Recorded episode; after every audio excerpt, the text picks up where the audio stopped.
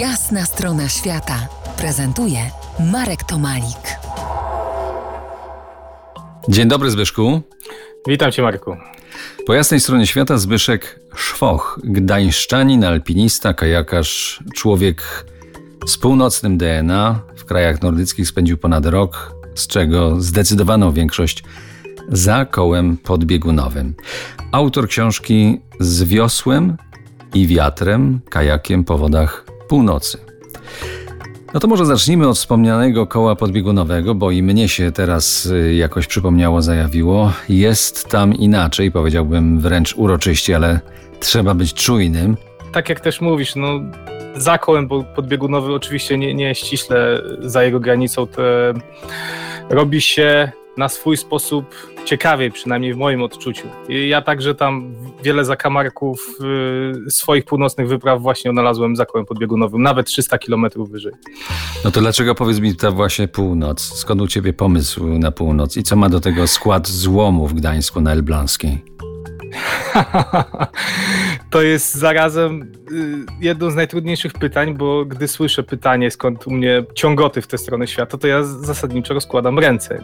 Nie znam dokładnej odpowiedzi na to pytanie. No, w pewnym momencie ten północny świat zaczął mnie fascynować i tak stopniowo pożerać od, od stóp do głów.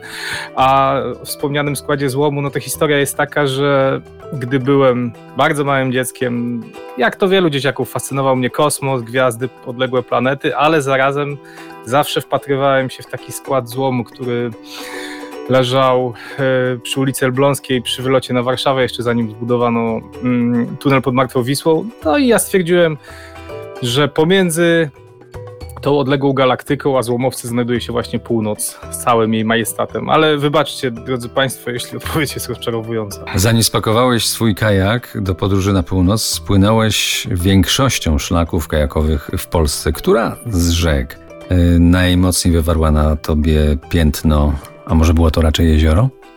W Polsce tych rzek nizinnych jest tyle, że o ile góry mamy w Polsce tylko na południu, o tyle rzeki są w nizinne, mówię pływalne, w promieniu kilkudziesięciu kilometrów od każdego miejsca zamieszkania w Polsce. Zresztą te nasze rzeki są tak y, dzikie, w większości niezindustrializowane, że każdy znajdzie coś dla siebie i bym powiedział, że nawet, że to kajakarstwo nizinne jest swego rodzaju naszym sportem narodowym, może trochę niedocenianym. Jeśli miałbym wybrać, chociaż to nie jest łatwe pytanie też, y, rzekę, uważam, że Słupia jest tak wybitnie bajkowa, wręcz plenerowo z filmów fantazy, ale czy ona wywarła na mnie jakieś największe wrażenie, to nie będę podejmować się w 100% tej odpowiedzi.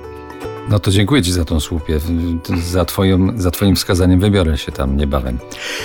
Za kilkanaście minut wrócimy na wodne szlagi i poszlajamy się kajakiem, ale mocno z, od, z obijaniem o skały. Zostańcie z nami. To jest jasna strona świata w RMS Classic.